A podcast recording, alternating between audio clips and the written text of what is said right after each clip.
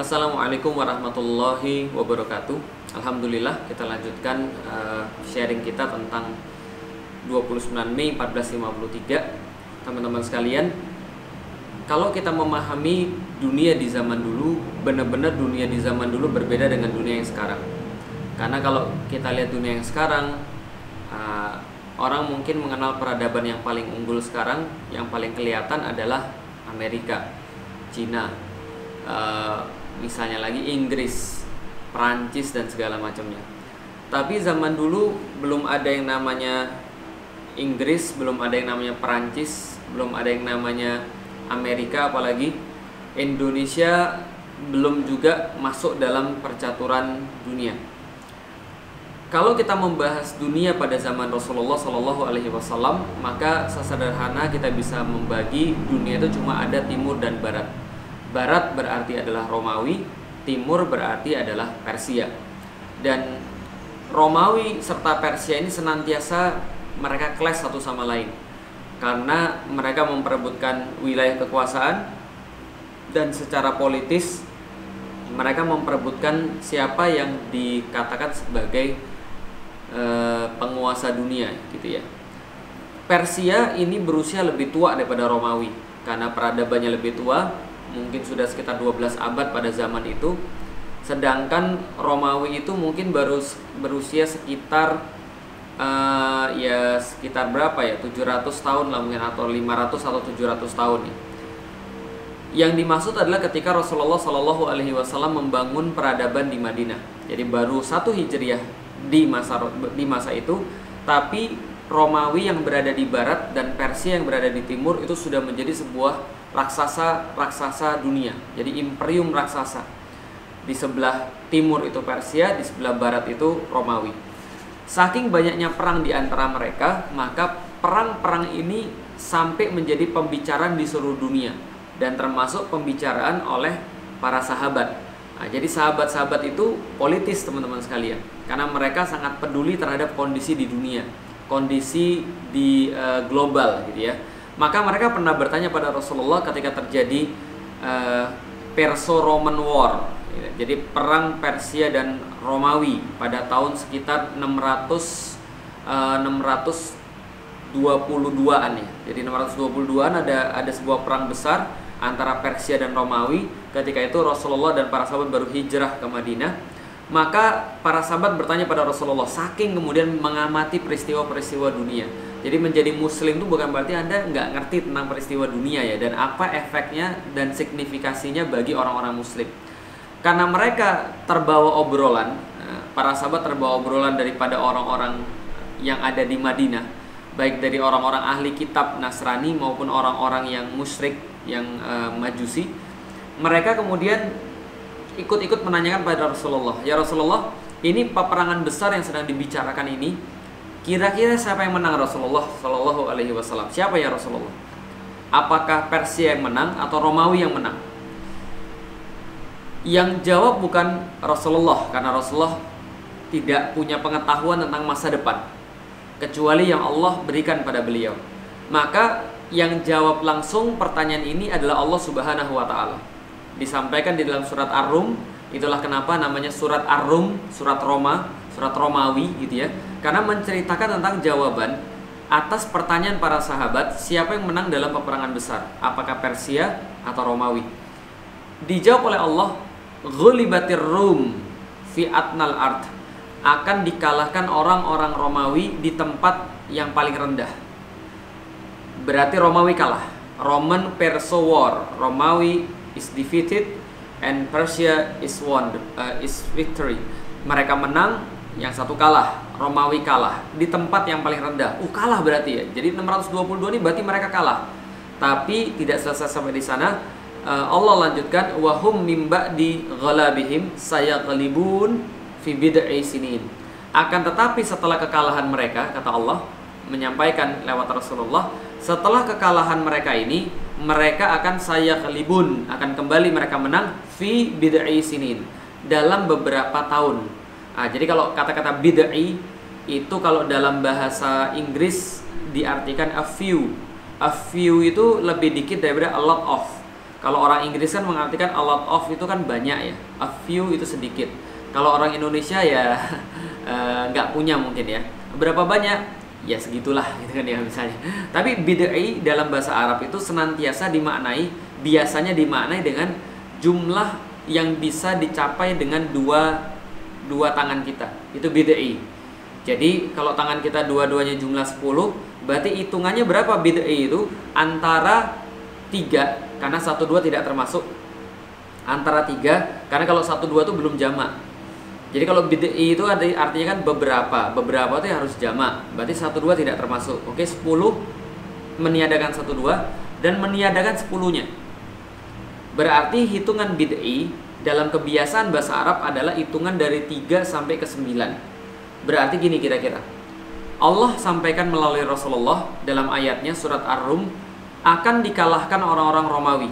Eh, sorry, dikalahkan orang-orang Romawi. Gulibatir Rum akan dikalahkan orang-orang Romawi dan mereka akan menang kembali melawan Persia dalam 3 sampai 9 tahun. Oke, kejadian tahun 622 lalu Allah menyampaikan bahwa mereka kalah di situ dan mereka akan menang kembali setelah 3 sampai 9 tahun.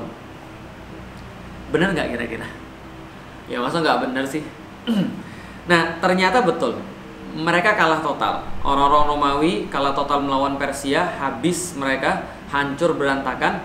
Tapi setelah beberapa lama, 7 tahun menjelang, tahun 629, itu ada seorang pahlawan yang muncul di tengah-tengah orang-orang e, Romawi.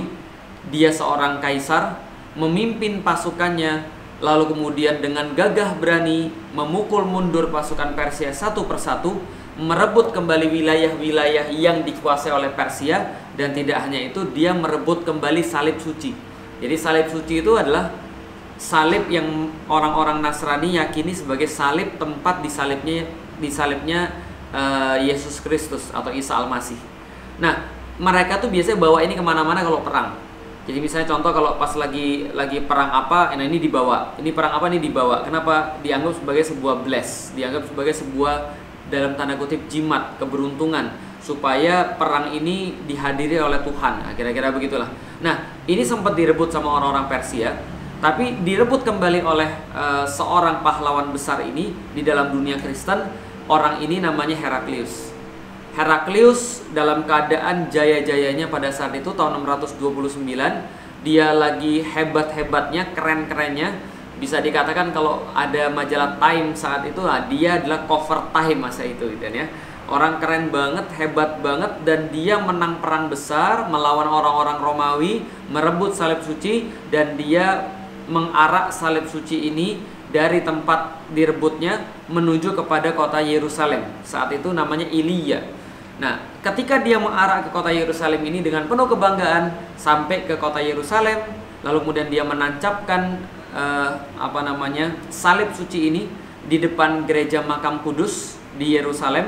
Kemudian setelah itu dia berdoa di bawah uh, salib itu dan dikisahkan oleh sejarawan setelah selesai dia berdoa ada seorang uh, petugasnya, stafnya itu bawa kepada dia sebuah surat yang bertuliskan dalam bahasa Arab. Inilah pertama kali Heraklius bersentuhan dengan surat yang berbahasa Arab. Ternyata surat ini dikirimkan oleh Rasulullah Shallallahu Alaihi Wasallam. Masya Allah. Tahun 629 Rasulullah Shallallahu Alaihi Wasallam banyak mengirim surat. Termasuk surat yang dikirimkan adalah pada Raja Persia yang baru kalah perang, pada Raja Romawi, pada Mukaukis dan seterusnya. Maka surat ini sampai kepada Raja uh, Heraklius atau Kaisar Heraklius, lalu kemudian dia baca. Nah, apa isi suratnya? Isi suratnya saya tuliskan di buku ini. Nah, ini bukan berarti Heraklius yang baca ya, bukan. Nah, jadi ini kemudian uh, isi suratnya. Bismillahirrahmanirrahim dari Muhammad hamba Allah dan Rasulnya kepada Heraklius pemimpin Romawi. Keselamatan bagi siapa pun yang mengikuti petunjuk. Jadi kalau nggak ikut petunjuk ya berarti nggak selamat, gitu kan ya. Maka sesungguhnya kata Rasulullah, aku menyuruh engkau dengan seruan Islam. Aslim taslam. Nah, ini kata-kata yang sangat terkenal. Masuk Islamlah engkau akan selamat. Berislamlah engkau akan memberikan engkau dua pahala kata kata Nabi Muhammad dalam suratnya. Apa yang dimaksud dua pahala? Dua pahala itu maksudnya adalah ketika Rasulullah menjelaskan pahala beriman kepada Isa al-Masih dan beriman kepada Muhammad sallallahu alaihi wasallam. Jadi dia dapat dua pahala karena dia sudah beriman pada Isa al-Masih Yesus Kristus. Kalau dia beriman lagi pada Rasulullah Muhammad maka dia dapat dua pahala. Aslim taslam masuk Islam engkau akan selamat Allah akan ganjar dengan dua pahala yaitu beriman pada Isa dan beriman pada Muhammad. Tapi bila engkau berpaling maka sesungguhnya bagi engkau dosa orang-orang Eropa atau dosa bagi engkau orang-orang atas atas dosa orang-orang yang kau pimpin yaitu adalah orang-orang Eropa. Begitulah kemudian hasilnya pada surat Rasulullah walaupun bukan Rasulullah yang menulis karena Rasulullah tidak bisa membaca dan tidak bisa menulis. Ini ditulis oleh para sahabat yang kemudian mewakili daripada Rasulullah atas perintah Rasulullah Shallallahu Alaihi Wasallam. Maka saat itu kemudian Abu uh, saat itu Heraklius sangat merasa kaget. Oh ini siapa ini?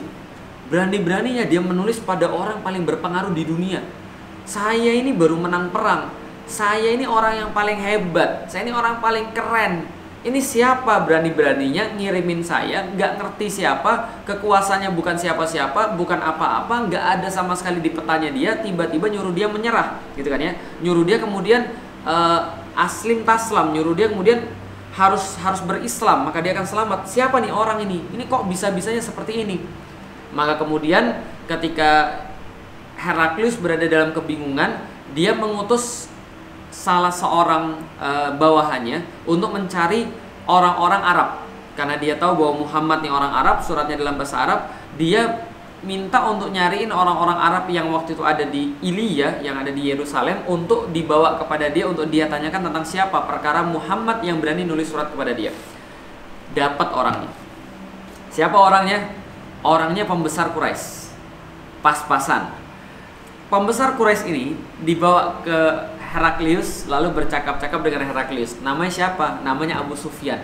Dan percakapan ini dicatat oleh uh, Imam Syafi'i dalam hadisnya.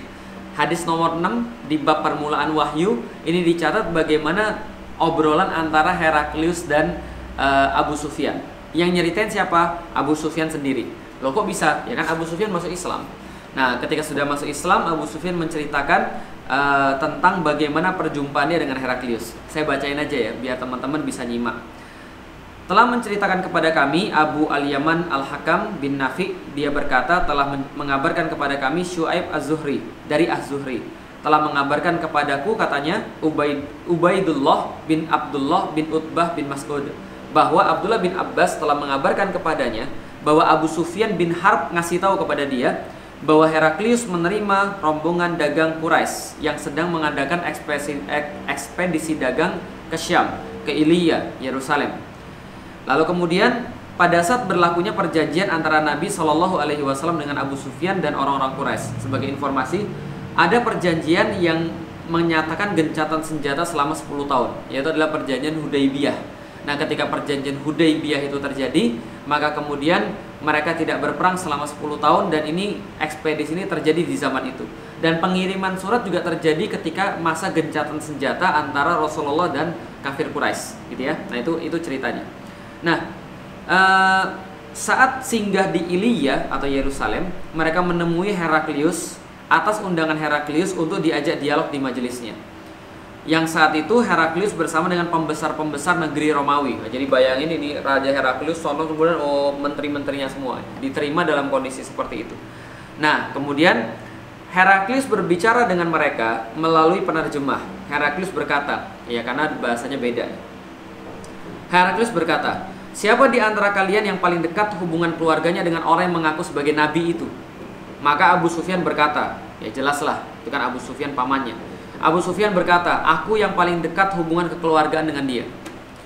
Heraklius berkata, dekatkan dia denganku dan juga sahabat-sahabatnya. Mereka meletakkan orang Quraisy di belakang Abu Sufyan. Jadi Abu Sufyan di depan, orang Quraisy di belakang. Lalu Heraklius berkata tentang eh, berkata melalui penerjemahnya, katakan kepadanya bahwa aku bertanya kepadanya tentang lelaki yang mengaku sebagai nabi, yaitu Muhammad. Jika ia berdusta kepadaku, maka kalian harus mendustakannya. Lalu kemudian Dikatakan, demi Allah kalau bukan rasa malu akibat tudingan pendusta yang mereka lontarkan kepadaku, niscaya aku berdusta kepadanya. Lalu Abu Sufyan berkata, maka yang pertama kali ditanyakan kepadaku adalah tentang Nabi Shallallahu Alaihi Wasallam. ditanyakan oleh Heraklius, bagaimana kedudukan nasabnya di tengah-tengah kalian? Karena Heraklius ini adalah orang terpelajar dalam perkara agama. Dia tahu tentang agama Nasrani, dia mempelajari secara bagus agama Nasrani dan dia tahu bahwa nabi-nabi itu tidak mungkin tidak kecuali nasabnya bagus. Maka ditanyakan kepada Abu Sufyan pertama kali adalah bagaimana nasabnya Muhammad? Bagaimana nasabnya Muhammad ini dari jalur mana keluarganya ini? Dari dari jalur mana kemudian dia diturunkan? Maka ketika ditanyakan bagaimana nasabnya di tengah-tengah kalian, maka Abu Sufyan menjawab, dia adalah dari keturunan yang paling baik, bangsawan-bangsawan di tempat kami. Ditanya lagi oleh Abu Sufyan, uh, ditanya lagi oleh Heraklius, apakah ada orang lain yang pernah mengatakan sebelum dia? Maka Abu Sufyan menjawab, nggak ada. Dia orang pertama yang menyampaikan tentang Islam ini. Ditanya lagi, bapaknya raja bukan? Dijawab oleh Abu Sufyan, bapaknya bukan raja. Ya, Abdullah bukan raja. Lalu kemudian ditanya lagi, apakah yang mengikuti dia orang-orang yang terpandang atau orang-orang yang rendahan doang? Maka dijawab Abu Sufyan, yang mengikutinya kebanyakan orang-orang rendah, orang-orang yang tidak punya posisi di dalam masyarakat. Dia bertanya lagi, uh, Heraklius, apakah pengikutnya bertambah atau berkurang? Dijawab oleh Abu Sufyan bertambah. Nah, ini salah satu contoh kebenaran kalau diperjuangkan itu dilarang malah tambah bagus. Dipersekusi followernya nambah, kira-kira gitu ya. Nah, bertambah. Lalu ditanya lagi sama Heraklius, apakah ada yang murtad disebabkan karena dongkol atau tidak suka dengan agamanya? Maka dijawab Abu Sufyan, gak ada.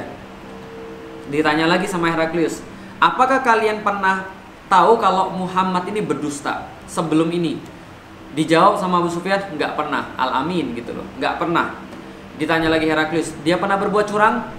Dijawab sama Abu Sufyan, nggak pernah. Gitu kan ya. Lalu kemudian ditanya lagi, uh, dia bertanya lagi Heraklius, apakah kalian memeranginya? Dijawab sama Abu Sufyan, iya. Siapa yang menang kata Heraklius? Lalu kemudian dikatakan uh, sama Abu Sufyan, perang di antara kami dan dia sangat banyak. Kadang-kadang dia menang, kadang-kadang kami yang menang. Gitu kan ya. Lalu bertanya lagi Heraklius, apa yang diperintahkannya pada kalian? Maka Abu Sufyan menjawab, perintahnya Muhammad kepada kami, kepada kaumnya, sembahlah Allah dengan tidak menyekutukannya dengan sesuatu apa pun. Tinggalkan apa yang dikatakan oleh nenek moyang kalau ada yang salah dia memerintahkan kami juga untuk menegakkan sholat, menunaikan zakat, berkata jujur, saling memaafkan, dan menyambung silaturahim. Maka Heraklius berkata kepada penerjemahnya setelah diskusi yang sangat panjang itu. Heraklius berkata, Katakan kepadanya bahwa aku bertanya kepadamu tentang keturunan orang itu. Kamu ceritakan bahwa dia adalah keturunan bangsawan. Bahwa laki-laki itu dibangkitkan ke tengah di tengah-tengah keturunan kaumnya yang paling bagus. Dan aku tanya kepadamu, pernah nggak ada orang yang sebelumnya mengatakan yang seperti dia? Kamu jawab tidak ada. Se Seandainya dikatakan ada orang yang sebelumnya mengatakan itu, tentu kuanggap orang ini meniru, kopas tentang apa yang disampaikan oleh orang yang sebelumnya. Aku tanyakan juga kepadamu apakah bapaknya keturunan raja? Kamu jawab tidak. Aku katakan seandainya bapaknya dari keturunan raja, tentu orang ini menuntut kerajaan bapaknya. Dan aku tanyakan apakah dia pernah berdusta? Kalian jawab tidak.